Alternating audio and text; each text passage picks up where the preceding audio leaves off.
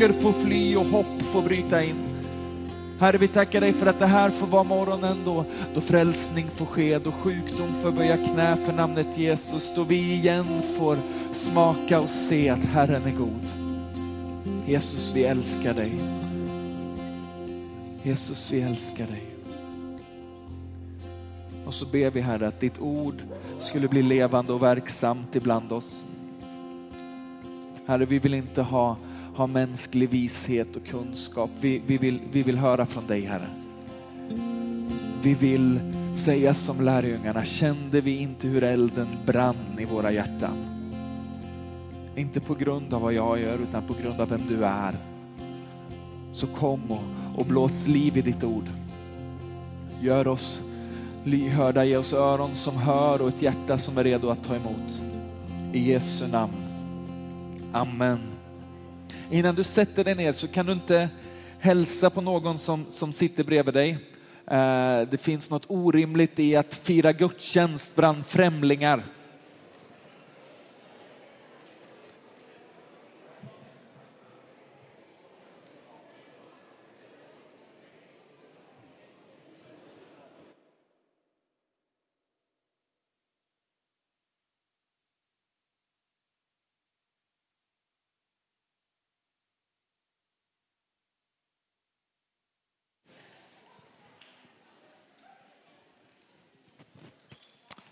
Okej. Varmt välkomna till eh, Citykyrkan. Speciellt välkommen till dig som är gäst här. Vi hoppas att du ska trivas ibland oss. Du behöver, slår du på där inne? Pang, perfekt. Okej. Jag heter Alfred Nygren. Eh, jag är en av eh, pastorerna som jobbar här Paul som är föreståndare, han, han hälsar säkert. Jag har inte frågat honom, men jag är säker på att han gör det. Han är i Malmö och, och predikar den här helgen i Immanuelskyrkan där, vänner till församlingen. Eh, så vi hoppas att han har det bra där och att vi får det bra här. Eh, för er som inte känner mig så väl så är jag gift med min fru faktiskt och är pappa till mina barn. Så kan det vara. Vi befinner oss i en, en serie som, som heter eh, Nycklar till frihet. Jag vet inte om någon inte har förstått det innan, så är det liksom en nyckel och så står det frihet i den. Var det någon som kände att den poletten trillade ner för första gången nu så behöver du inte ge dig till känna. Eh, men, men så är det. För två veckor sedan så, så predikade Jorge om, om, om vikten av, av förlåtelse eller, eller snarare nödvändigheten att göra upp med oförsoning och, och oförlåtelse i våra liv. För, för så länge vi lever med, med, med bitterhet och med ilska, vare sig den är befogad eller ej, så kommer det hålla oss tillbaka. Det kommer vara någonting som gör att, att vi inte kan, kan leva i vår fulla potential. Någonting som gör att livet alltid blir lite grådaskigt och, eh, och ledsamt. Vill ni ha en längre utläggning på det så får ni gå in och lyssna på podcasten.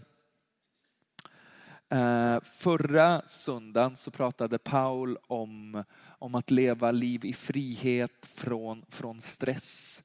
Eller snarare att leva liv eh, i rytm med sabbaten. När Gud skapade så, så skapade han liksom under sex dagar och på den sjunde dagen så vilade han. Det finns någonting nedlagt i skapelsen av att, av att lägga alla måsten undan en dag i veckan och göra någonting som, som ger, som, som fyller på, som ger min själ vila.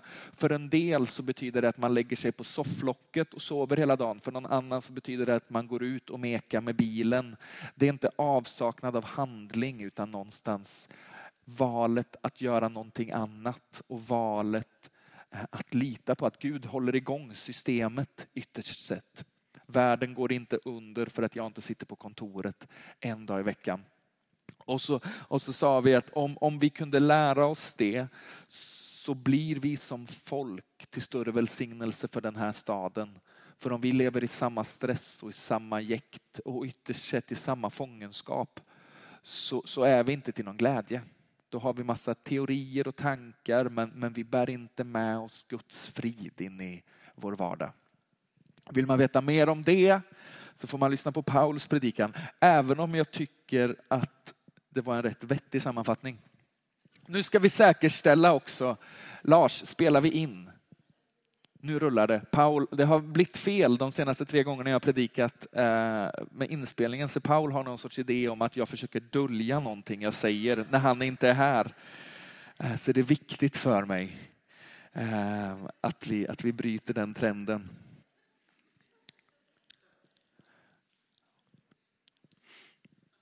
Vår brist på, på frihet är, är skiftande. Dels ibland oss, vi, vi brottas alla med något och en del av oss brottas mer. Men, men bristen på frihet skiftar också i oss själva. Fångenskap som ju är motsats till frihet har en tendens att på något sätt slå klorna i oss på, på specifika områden. Det är väldigt få människor som man möter som man känner att den där människan är totalt uppbunden av någonting, totalt slav under någonting. Och, och vi kan till och med tycka om oss själva att vi har ganska bra flyt och, och det är inte så mycket som, som, liksom, som spökar i våra tankar och så kommer vi till ett område där vi helt plötsligt slår bakut och så inser vi att här har jag någonting att jobba med. Här finns det ett område i mitt liv som, som jag inte är fri i än. Och det finns inget eh, misslyckande i det, eh, men det finns hopp i det, att du kan få, få komma in i frihet. Och det är det vi hoppas att vi skulle kunna få rota lite i under den här serien. Idag är sista gången och vi har försökt måla upp de, de, de, de tre stora grejerna. Så det är oförsoning, ett jätteproblem i samhället eh, och, och lika mycket i församlingen. Jag hängde upp en tavla på den där väggen 1967 och nu har någon tagit ner den. Det är ingen som tycker om mig. Eller du vet sådär, eller, eller det var faktiskt min, eh, min, min pappa pappa som valde ut den här gröna mattan och nu pratar de om att renovera. Tänk om det försvinner, det blir som att sudda ut mitt arv. Jag väljer att leva i, i bitterhet. Det behöver inte alltid vara så stora grejer utan små liksom, tramsgrejer kan få fäste i våra tankar och så börjar det styra hela vårt liv. Det börjar styra helt och hållet hur vi, hur vi resonerar och för oss. Eh, och det är ju korkat, eller hur? Det är någon som kände det i alla fall. Och idag så ska jag prata om, om, om, eh, om den tredje stora elefanten. Vi ska prata om frihet från rädsla. Någon som har varit rädd någon gång?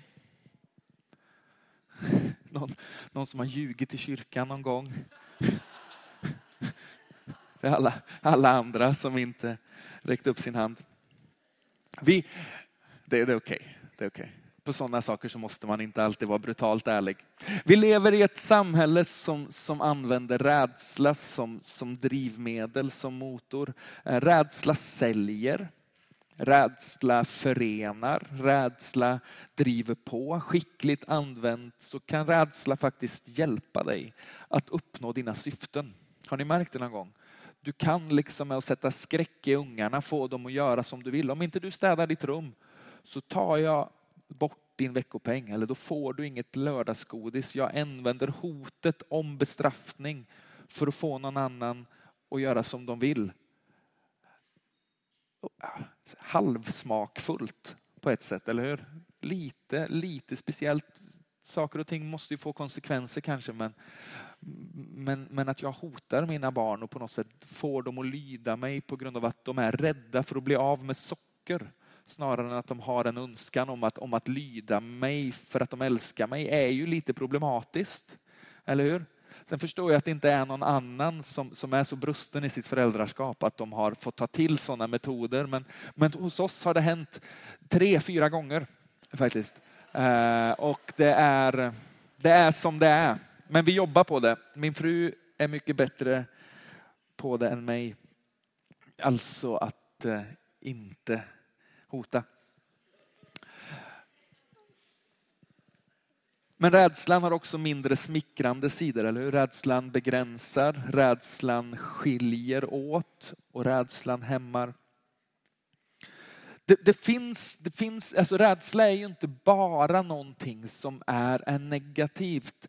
Det finns positiva sidor. I situationer där, där det liksom finns en verklig fara så, så hjälper rädslan oss att agera, eller hur? Man pratar om fight, flight, någon sorts liksom sådär instinkt som, som, som kickar in.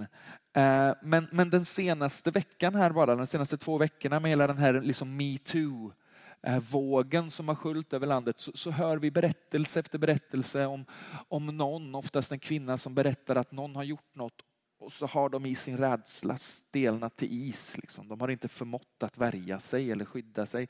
Så inte ens där kan man säga att men rädsla är egentligen liksom bra. Det är bara, utan det, det är någonting med det som förlamar, förlamar. Det är roligt att inte få till ett R på ordet förlamar, för då lät det som att tungan inte funkar. Förlamar och, och förhindrar oss till handling. För, för fyra, fem år sedan så, så, bodde vi i, i Vargön och då bodde vi i ett, i ett hus.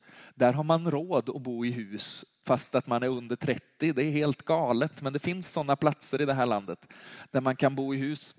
Så vi hade ett hus eh, som, som vi köpte på Blocket innan liksom Blocket Bostad fanns. Min pappa satt och letade efter mopeder och så hittade han ett hus istället och så ringde han och sa, ska inte ni köpa det? Och så, och så blev det så. Det är en väldigt lång historia eh, och en märklig historia. Men hur som helst, ibland så, så knackade på dörren hemma hos oss och så, så stod det en, en ung kille eller en ung tjej i någon som färgglad dunjacka. Och så sa de, hej, har ni larm hemma hos er? Nej, nej, vi har inget larmsätt. Nej, jag har gått runt här i området lite nu och vi, och vi har det fantastiska erbjudandet som, som liksom vi um, kör just nu och vi undrar om ni skulle vara intresserade av det. Och så säger man lite försiktigt att nej, men vi ska liksom inte dra på oss mer kostnader.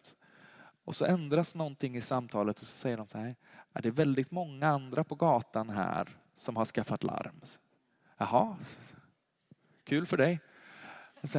Och det gör ju att ditt hus är det troligaste att få inbrott.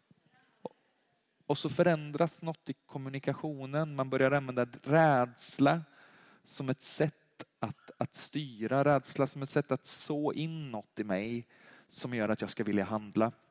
Och så säger jag så nej men vi hade en stor hund på den tiden, han vägde 45 kilo, Kenneth hette han. Eh, en god och glad schäferblandning. Eh, och det här stort kromat så här, kätting runt halsen. Så han, han såg och hade lite ADHD-tendenser. Han var väldigt, väldigt levnadsglad. Och det gjorde ju att, att liksom folk blev lite stressade. Så jag sa, jag har Kenneth så. Oh, men, liksom det, men din fru och dina barn då? Vill du inte att de ska vara trygga? Och så börjar man igen liksom anspela på rädsla, på att något skulle kunna hända för att jag ska handla. Och så tänker jag stilla i mitt sinne att de har aldrig sett min fru arg. Det är det är enda gången jag är riktigt rädd. Men du har aldrig gjort något dumt mot mig. Du är, du är snäll. Nej, ska, förlåt. Hon gillar inte när jag nämner henne i predikan. Vi, vi, möter rädsla hela tiden i vårt samhälle och, och vi kanske inte tänker på det, men, men rädsla säljer. Rädsla är en drivkraft. Rädsla är, är en kraft som, som hela tiden spelas på för att få oss att, att, att göra och bete oss på ett visst sätt. Vi, vi har fått lära oss att man får, får cancer från chips och, och många män kände att där blev livet inte lika roligt att leva. Du kan få cancer från din mobil, du kan få cancer från, från plast. Många ungdomar idag lider av något som kallas för klimatångest. Man är så orolig och så rädd för vad som ska hända med klimatet att man, man lever i ångest. Eh, många eh, människor och speciellt män över 45, de lever i någon sorts rädsla över kalifatet. Någon konspirationsidé om att snart är Sverige muslimskt. Och så börjar det styra hur man tänker och, resonerar. Vi fick lära oss att kaffe förkortar livet och så slutar folk dricka kaffe. Och sen fick vi lära oss häromdagen att tre koppar kaffe om dagen förlänger livet och då behöver jag börja hinka kaffe så att jag inte, eller hur? Eller att vi får, vi får cancer från, från lightprodukter. Och poängen är inte att det här är fel nödvändigtvis. Men poängen är att det kommuniceras på ett sådant sätt att det styr våra sätt att agera, vårt sätt att resonera, vårt sätt att leva våra liv. Det, det är säkert inte alls nyttigt att bara äta chips. Det blir nog inte bra. Men det kanske finns ett, ett sätt att förhålla sig till chips som gör att rädsla inte är det som, som tar över. Rädsla kan också ta sig långt värre uttryck. Eh, irrationell rädsla, det som vi kallar för fobier, som blir så starka att de totalt styr hur en människa lever sitt liv. Det finns någonting som är, som är skrämmande fascinerande i att en fullt frisk resonerande människa kan leva förtryckt av en högst reell rädsla inför ett irrationellt hot, eller hur?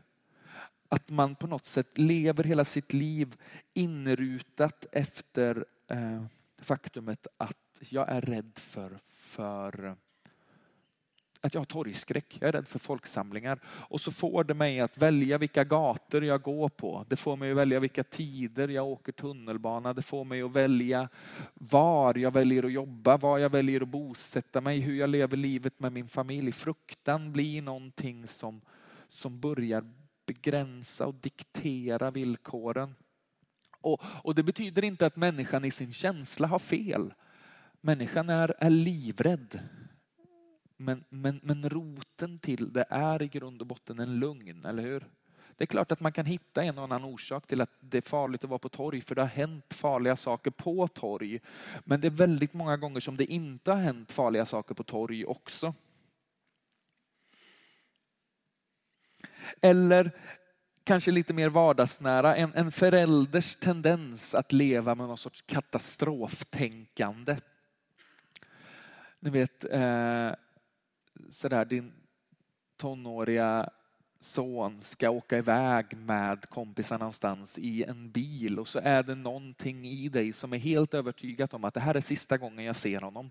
De kommer köra ihjäl sig. Det kommer hända någonting. Det kommer komma en älg och så väljer man som förälder, eller du vet, du får inte gå ut för någon kan kidnappa dig eller du får inte, um, ja, vad det nu kan vara.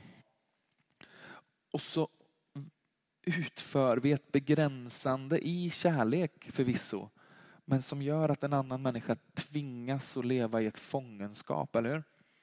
Det betyder inte att det inte finns behov av, av gränser, men det finns tillfällen där, där rädslan gör någonting med oss och stoppar in oss i en bur och så tror vi att vi är trygga när vi egentligen är fångar. Är ni med mig? Vad skönt, för det här är lite liksom hela predikan, så att annars hade det blivit jättekrångligt. Men sådan är rädslan. I stort och i smått så strävar den efter att skilja oss från frihet. För vi tror att frihet är och kommer alltid vara platsen där Guds ande gör något nytt ibland oss. Där Herrens ande är, där är frihet och därför så kommer alltid djävulen använda rädsla som ett redskap för att skilja oss från frihet, för att därmed också skilja oss från den plan och den tanke som Gud har med våra liv. Hänger ni med? Det finns en, en, en, gammal amerikansk president som hette Franklin D. Roosevelt som sa så här. The only thing we have to fear is fear itself. Det enda vi har att frukta är fruktan själv. Det finns något i det där. Alltså vad vad har vi egentligen att vara rädda för? Vad har vi egentligen för, för rimlig grund att leva i fruktan? Det betyder inte att vi inte stundom blir rädda. Men att vi väljer att leva våra liv i fruktan, det borde skrämma oss. Det borde vara någonting som, som gör oss lite nervösa. Vi ska läsa något från Bibeln så det blir en, en kristen predikan. Johannes 20 vers 19 till 23. På kvällen samma dag, den första veckodagen, var lärjungarna samlade bakom låsta dörrar av rädsla för judarna. Då kom Jesus och stod mitt ibland dem och sa, frid vare med er. När han hade sagt detta visade han dem sina händer och sin sida och lärjungarna blev glada när de såg Herren. Jesus sa än en gång till dem, frid vare med er som Fadern sänt mig, så sänder jag er. Sedan han sagt detta andades han på dem och sa, ta emot helig ande. Om ni förlåter någon hans synder så är de förlåtna. Och om ni binder någon i hans synder så är de bundna. Det är väldigt, väldigt rimligt när vi kommer in i texten att lärjungarna är rädda. Det är inte konstigt. De är inte fega, de är inte på något sätt undermedel i mod, utan deras mästare är faktiskt, så vitt de vet, död. De valde att satsa allt på honom. De har gjort ganska stora anspråk.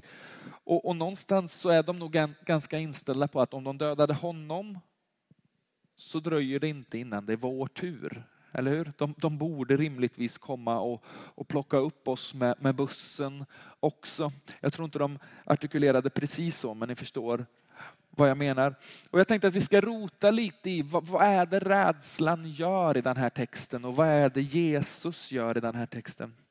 Så det första vi läser är att, är att rädslan isolerar. Det här är människor som under tre års tid på något sätt levde i ständig rörelse i städerna och i byarna som, som spred evangelium vart helst de gick fram, som ganska nyss var gasade över att till och med de onda andarna lyder oss när vi befaller dem i ditt namn, eller hur? Och så sitter de på övervåningen i ett hus och de har varit säkra över att regla igen dörren ordentligt för att ingen ska hitta dem. Samma historia, samma berättelser, samma teologiska förståelse som innan, men något har förändrats i deras hjärtan. Och så väljer de att leva sina liv inlåsta. Rädslan isolerar. Och så kommer Jesus in i berättelsen och, och, och, och man skulle kunna tänka, och i, och i, några av de andra evangelietexterna så är han lite, lite vassare i tonen. Men, men, men om vi håller oss till den här texten så säger han inte först och främst skärp er, ryck upp er, gör om och gör rätt. Det är inte det som är hans första budskap utan han, han kliver igenom väggen lite lätt och ledigt och så säger han frid vare med er en del av genomklivandet i väggen hänger säkert ihop med att han behöver säga frid. De var inte riktigt beredda på att det skulle ske och blev nog lite stressade. Så oj, det har vi inte sett innan. Men, men framför allt så, så väljer han att adressera deras hjärtas tillstånd innan han börjar peka på vart de är på väg därifrån. Eller hur? Frid vare med er, bli bärare av frid. Och, och, och frid betyder inte avsaknaden av oro utan närvaron av Guds rike bland oss och i oss, eller hur? Shalom. Det är liksom en, en fridshälsning som är liksom, må du vara hemskt mycket välsignad och, och må Gud vara med dig. Liksom. I dig, runt omkring dig. Det är inte bara, nu tar vi det lite lugnt här kompisar. Utan någonstans så adresserar han vad som, vad som rör sig och sker i deras inre. Frid vare med er. Vi bryter det här nu för att någonting annat ska få ta plats. Och så inbjuder Jesus till sig själv. Eller hur?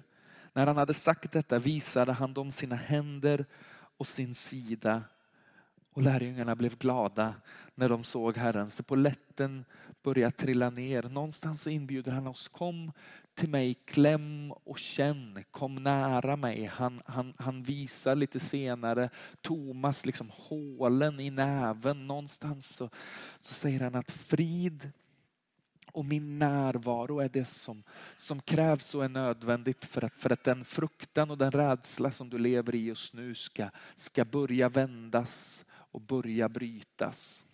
Är ni med mig så långt? Jag tar ett glas vatten för att fira det.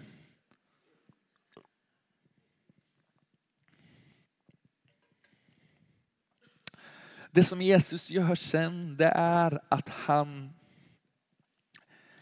egentligen säger till lärjungarna, det finns ingenting som jag ber er att göra. Det finns ingenting som jag kastar er ut i som jag inte redan har varit inne och vänt i. Som Fadern har sänt mig, så sänder jag er.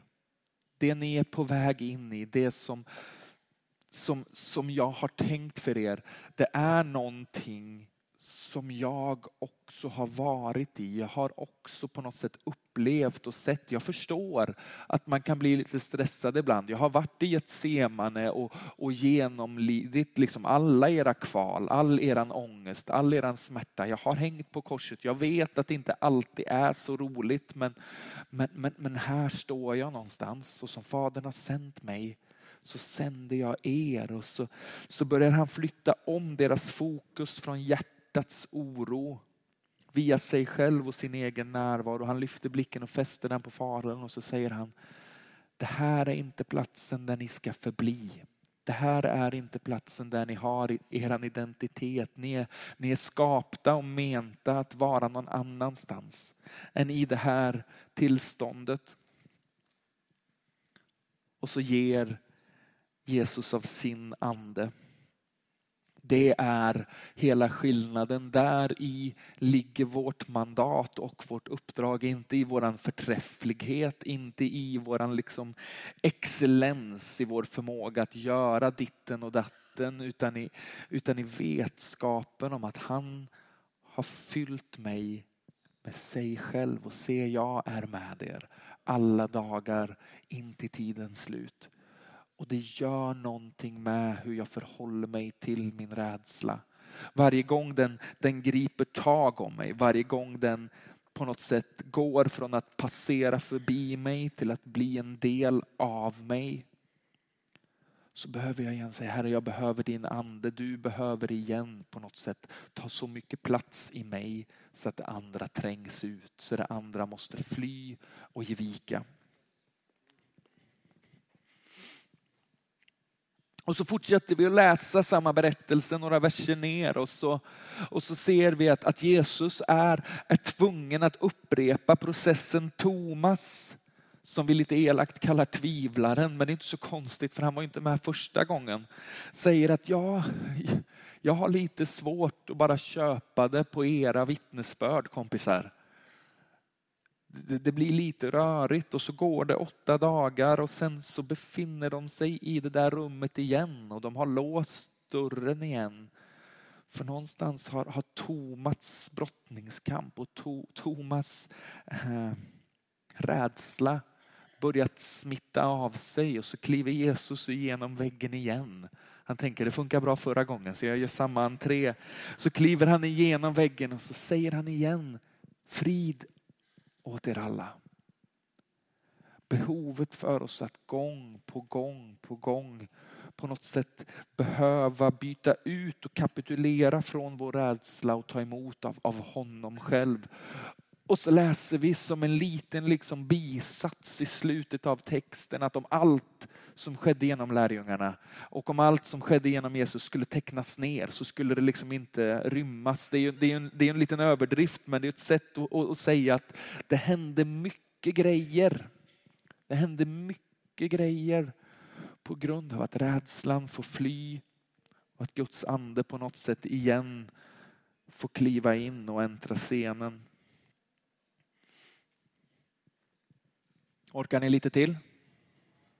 Matteus 16. Oj, ursäkta, här glömde jag dra upp storleken, men, men det går bra va? När Jesus kom till trakten av Caesarea Filippi frågade han sina lärjungar, vem säger människorna att människosonen är? De svarade, vissa säger Johannes döparen, andra Elia och andra Jeremia eller någon av profeterna. Han sa till dem, och ni, vem säger ni att jag är? Simon Petrus svarade, du är Messias, den levande Gudens son. Jesus sa till honom, salig är du Simon, Jonas son, för det är inte kött och blod som har uppenbarat det för dig, utan min far i himlen. Och jag säger dig, du är Petrus och på denna klippa ska jag bygga min församling och helvetets portar ska inte få makt över den. Jag ska ge dig himmelrikets nycklar. Allt som du binder på jorden ska vara bundet i himlen och allt som du löser på jorden ska vara löst i himlen. Sedan befallde han lärjungarna att inte berätta för någon att han var Messias. Så vad är det som händer här och vad, vad är det Petrus säger? Vilken är poletten som trillar ner? Han säger du är Messias. Den levande Gudens son. Han har förstått på något sätt att den här mannen, den här läraren, den här profeten som han har ägnat några år åt att följa är långt mer än vad människor tänker och tror. Han säger du är Messias, du är den smorde, du är den vi väntar på, du är den som ska återlösa och befria. Du är den som, som är framtid och hopp. Du är den som, som kommer för att, för att krossa ok och bryta bojor. Det är vad han säger, du är Messias, den levande Gudens son, den som vi väntar på. Och när, när Petrus får fatt i detta så förändras också någonting i hans identitet. Jesus säger till honom, du är inte längre Simon, du är Petrus, du är klippan. När hans hjärta på något sätt får fatt i vem Jesus är så börjar också någonting förändras i hans identitet. Eller hur? Ni är med? Tillräckligt många för att vi ska springa vidare. Och så börjar det skiftet i hans identitet få konsekvenser runt omkring honom. Någonstans så säger Jesus att om, om du håller fast vid den här insikten så är du på grund av insikten, inte på grund av att du en gång fick den utan att du bär den, så är du den klippan som inte ens helvetet rår på. Det finns ingen rädsla, det finns ingen, finns ingen kamp, det finns ingen strid som, som på något sätt kan eh, utmanövrera ett, ett hjärta och ett sinne som har sin vila och sin tillflykt i att Jesus är den han påstår att han är. Men, men frågan blir också, vad är syftet med portarna?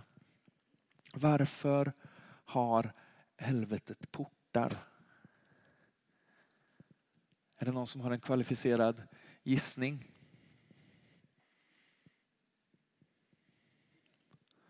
För att skydda sig? Vi, vi har väldigt ofta en, en bild av de här portarna som någonting som kommer farandes emot oss, eller hur? Nu, liksom, nu helvetets portar är ute efter oss. Och jag har aldrig sett portar röra på sig. Har ni sett det? Ja, möjligtvis att de öppnar sig, men inte, och då får man akta sig så man inte liksom blir klämd på vägen. Det är som så snurrdörrar i Farsta centrum eller något annat köpcentrum i Stockholm. Men, men portar är inte på väg utan portarna finns där för att skydda. För det finns någonting i, i, i mörkret och i djävulskapen som, som bävar inför ett hjärta som har fått fäste i att Jesus är den han påstår att han är. Som gör att, att det behöver skydda sig. Och Jesus säger inte djävulen kommer inte kunna komma åt dig. Utan han säger djävulen kommer inte kunna stå emot dig. Eller hur? Helvetets portar kommer inte för någonting händer i oss när vi får fatt i vem Jesus är. Jag tycker det är bra grejer.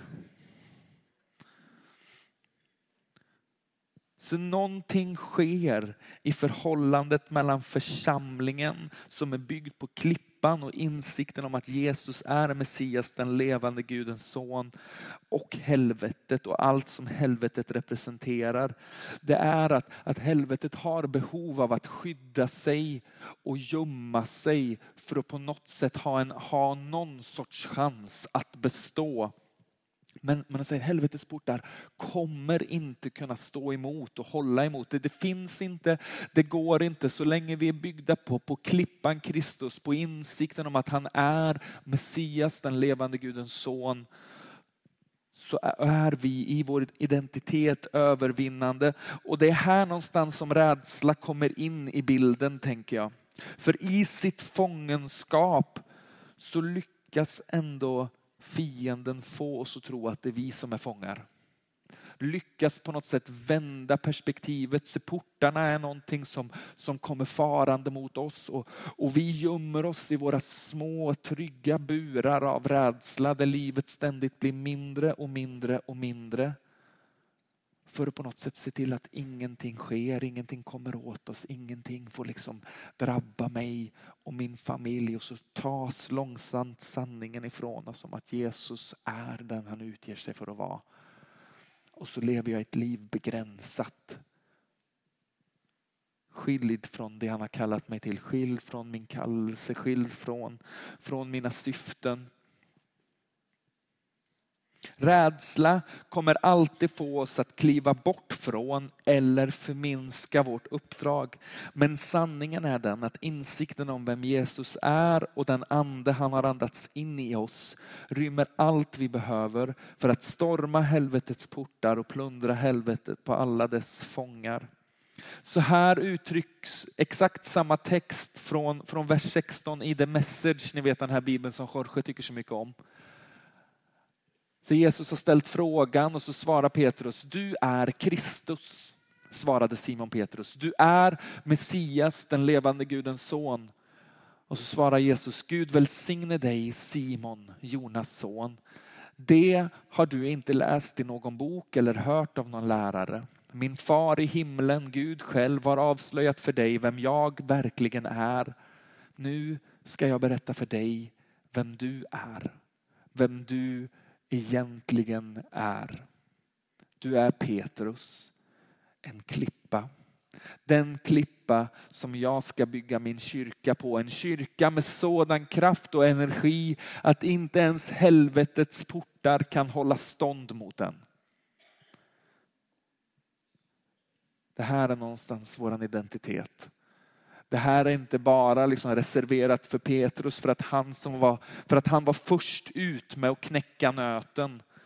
Utan det här händer i oss varje gång vi på något sätt får fatt i det där som inte är kunskap som överförs från en människa till en annan utan som är Guds ande som på något sätt låter någonting landa i oss och i våra hjärtan om att Jesus Kristus är Messias, den levande Gudens son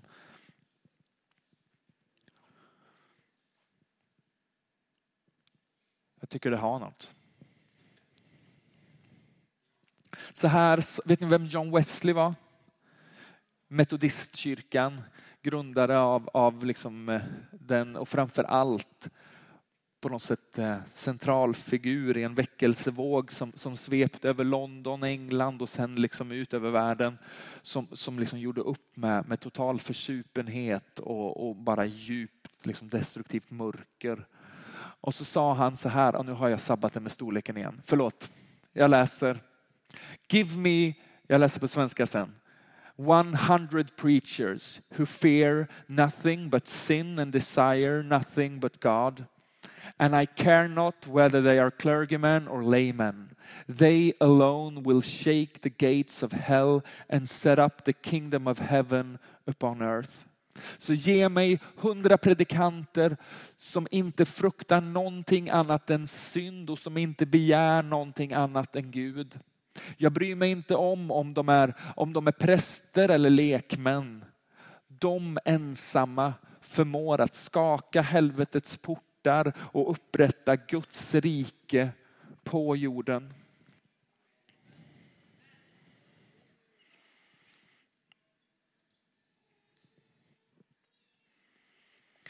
Jag skulle vilja påstå att evangeliets framgång bland oss inte styrs av huruvida Gud vill väckelse, huruvida detta är en besökelsetid eller inte, utan snarare av hur vi väljer att förhålla oss till vår rädsla.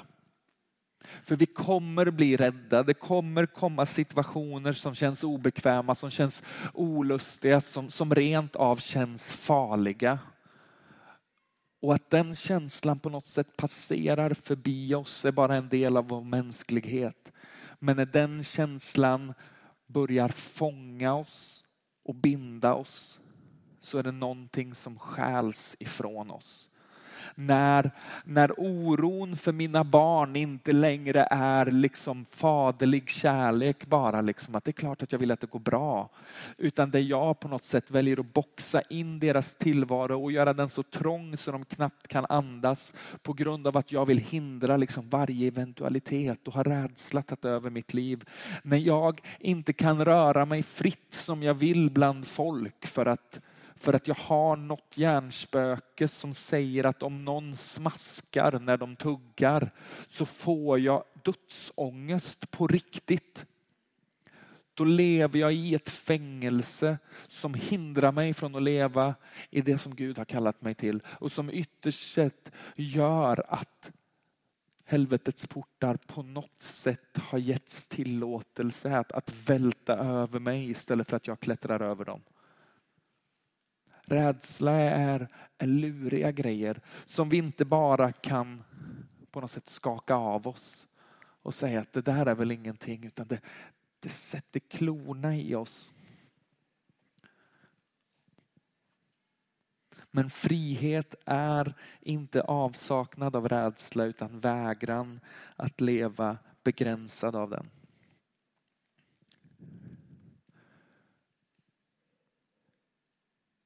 Kan du ta en grej Alfred?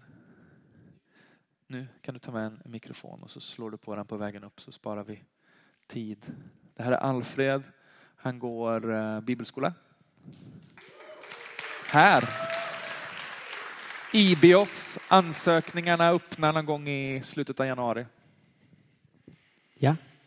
Ehm, lite då och då går vi ut på stan och pratar om Jesus och tjänar folk. Ehm, och den här fredagen gick vi ut igen eh, och eh, vi hade en kvinna där innan som eh, förberedde oss lite och som utmanade oss att ta det lite längre den här gången. För i vanliga fall så brukar det bli att man berättar om Jesus och så liksom kanske man får be för någon och så önskar man dem lycka till och säger hej då. Men idag så, eller i fredags så utmanade hon oss att, att säga, eller att, att utmana dem i och fråga dem om de ville ta emot Jesus i sina liv.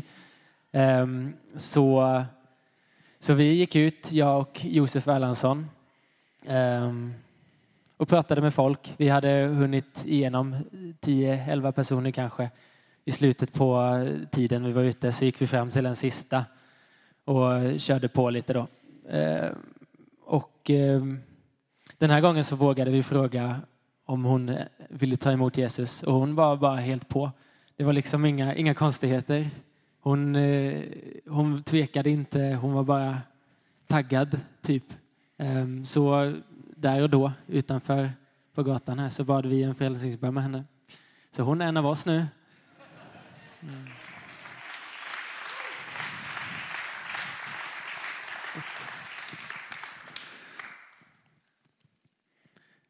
Det är inte avsaknaden av rädsla som gör att de tar sig ut. Det är dels att vi säger att de måste. Det är en liten, det är en liten faktor i det. Men, men framför allt så är det bara något sorts heligt trots i att den rädsla som jag lever under är inte den klippan jag bygger mitt liv på. Jag bygger mitt liv på, på Jesus Kristus, på Guds son och det definierar vem jag är och hur jag för mig. Det betyder inte att det ibland känns som att jag ska gå sönder av den stormen som härjar i mitt hjärta och i mitt sinne. Men det betyder att jag, jag har bestämt mig att vägra låta det definiera hur jag lever mitt liv. Och sen vet jag att det kommer dagar när när jag inte orkar hålla emot. Men Jesus kommer till lärjungarna två gånger inom loppet av åtta dagar och så säger han frid vare med er. Vi börjar om, vi välkomnar ett annat rike igen. Vi andas på er så att du får ta emot helig ande. Och så säger han som Fadern har sänt mig så sänder jag er. Som Fadern har sänt mig så sänder jag dig. Så jag tror att, att det vi ska liksom sträcka oss efter idag och det som, som Gud utmanar var och en av oss idag, det är att på något sätt definiera och peka ut rädslan i våra liv. Jag lever inte helt och hållet förslavad under rädsla, men jag har områden där jag inte är fri. Jag kommer till en punkt där det liksom tar stopp gång på gång på gång. Och de områdena behöver jag på något sätt säga Jesus, du ser att jag har byggt mig en bunker av rädsla, men jag vet att du kan gå rakt igenom väggar. Så kliv igenom väggen rakt in i själva epicentret av min rädsla och tala ut din frid som övergår förstånd. För jag förstår inte hur det här ska kunna lösa sig just nu. Och när han gör det så börjar någonting hända i vårt fängelse och så spänner han blicken i det och säger som Fadern har sänt mig så sänder jag dig. Ta emot heligande.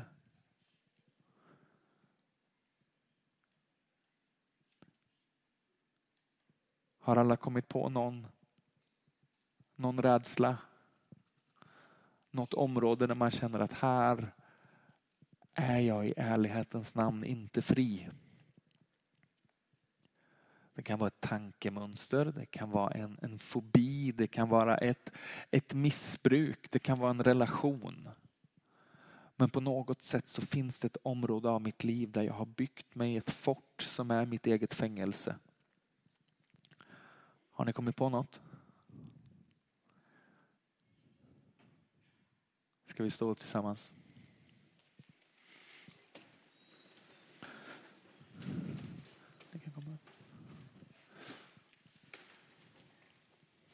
Vi ska göra så här att vi ska, vi ska strax bjuda in till, till förbön. Lars har en lista med, med kunskapens ord det betyder att vi har frågat Gud, är det något speciellt som är på din agenda idag? Så säger han, ja det är det. Och så skriver vi ner det och så läser vi upp det och så vill vi jättegärna be för dig som känner igen dig på någon av de grejerna. Men jag tänker att, att vi här och nu, innan vi gör någonting annat, på något sätt ska, ska välkomna Jesus att kliva rakt genom väggen. In i det fängelset som vi i delar av vårt liv lever i. Och det fina är att liksom Jesus inte kastar en nyckel över muren och säger ta dig ut. Utan han kliver igenom väggen och säger frid. Allt är på hans initiativ. Allt är på hans på något sätt agenda och på hans igångsättande. Så vi ber. Herre, vi tackar dig för att du är den du påstår att du är. För att du är klippan för att du är, för att du är Kristus, för att du är Messias, den smorde, våran, våran frälsare, våran hjälpare, våran vän. Och just nu så, så talar vi till, till varje fängelse som, som finns representerat i det här rummet och vi inbjuder dig att, att gå rakt igenom väggen. Jesus kom och, och ta plats mitt i min rädsla. Kom och ta plats mitt i det jag brottas med. Jag tackar dig för att du inte står utanför och väntar på att jag ska knäcka låset själv. Utan du stormar mitt fängelse med ditt liv och så spänner du blicken i oss och säger frid. Frid. Och så ber vi dig, kom heligande. Kom med nytt liv.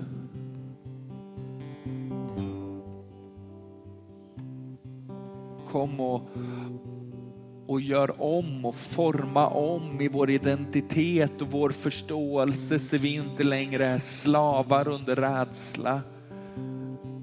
Utan ett folk med ett uppdrag att plundra helvetet på allt som finns där inne som är på ditt hjärta.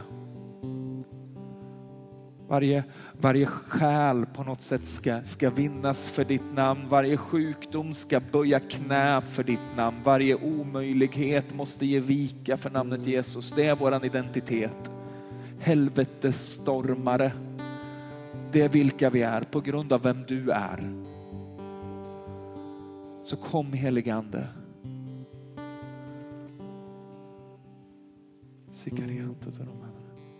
Vi välkomnar dig.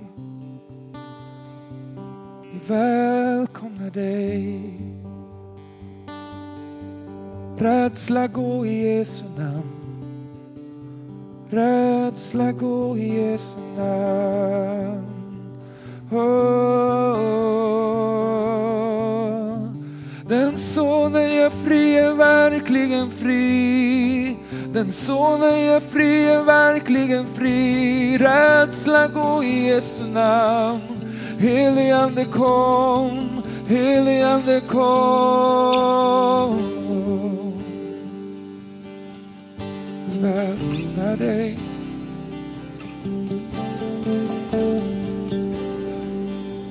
Vi välkomnar dig. För en del av oss så behöver vi bara byta riktning. Någonstans behöver vi bara ta fasta i vem Jesus är och bestämma oss för att jag tänker inte leva som slav under min rädsla. Jag tänker gå åt ett annat håll. För andra av oss så har saker och ting bara gått så långt att vi inte vet hur vi ska ta oss ur det. Vi, vi lever så fångna under, över en, under en irrationell rädsla, under en, en fobi, en tvångstanke över att något ska hända som gör att vi, jag kommer inte vidare. Jag kommer inte loss. Jag har försökt och, och hela grejen att du pratar om frihet är i sig provocerande för jag har någonstans förlikat mig med insikten om att det här är min identitet och den plats jag ska leva mitt liv på. Och om det är fallet så, så, skulle vi jättegärna få be med dig idag.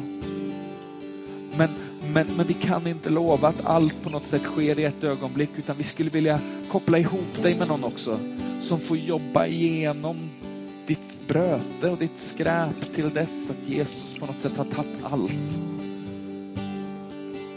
Men innan vi bjuder in till förbön så ska Lars få, få dela de andra grejerna som, som vi tror är på, på Guds hjärta också för den här dagen.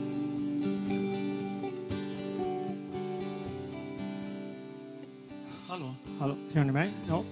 Jo, jag får ta utmaningen här nu då och fejsa min rädsla här och gå på scenen. Bra. ja, vi bad här före mötet och vi fick att eh, helande av knän var en punkt och så omvändelse ifrån något. Vi vet inte vad det är, men det är någon som behöver omvända sig. Och så har vi ångest och rädsla för framtiden. Det kan hänga ihop med en hopplös situation till exempel. Eh, smärta i händerna.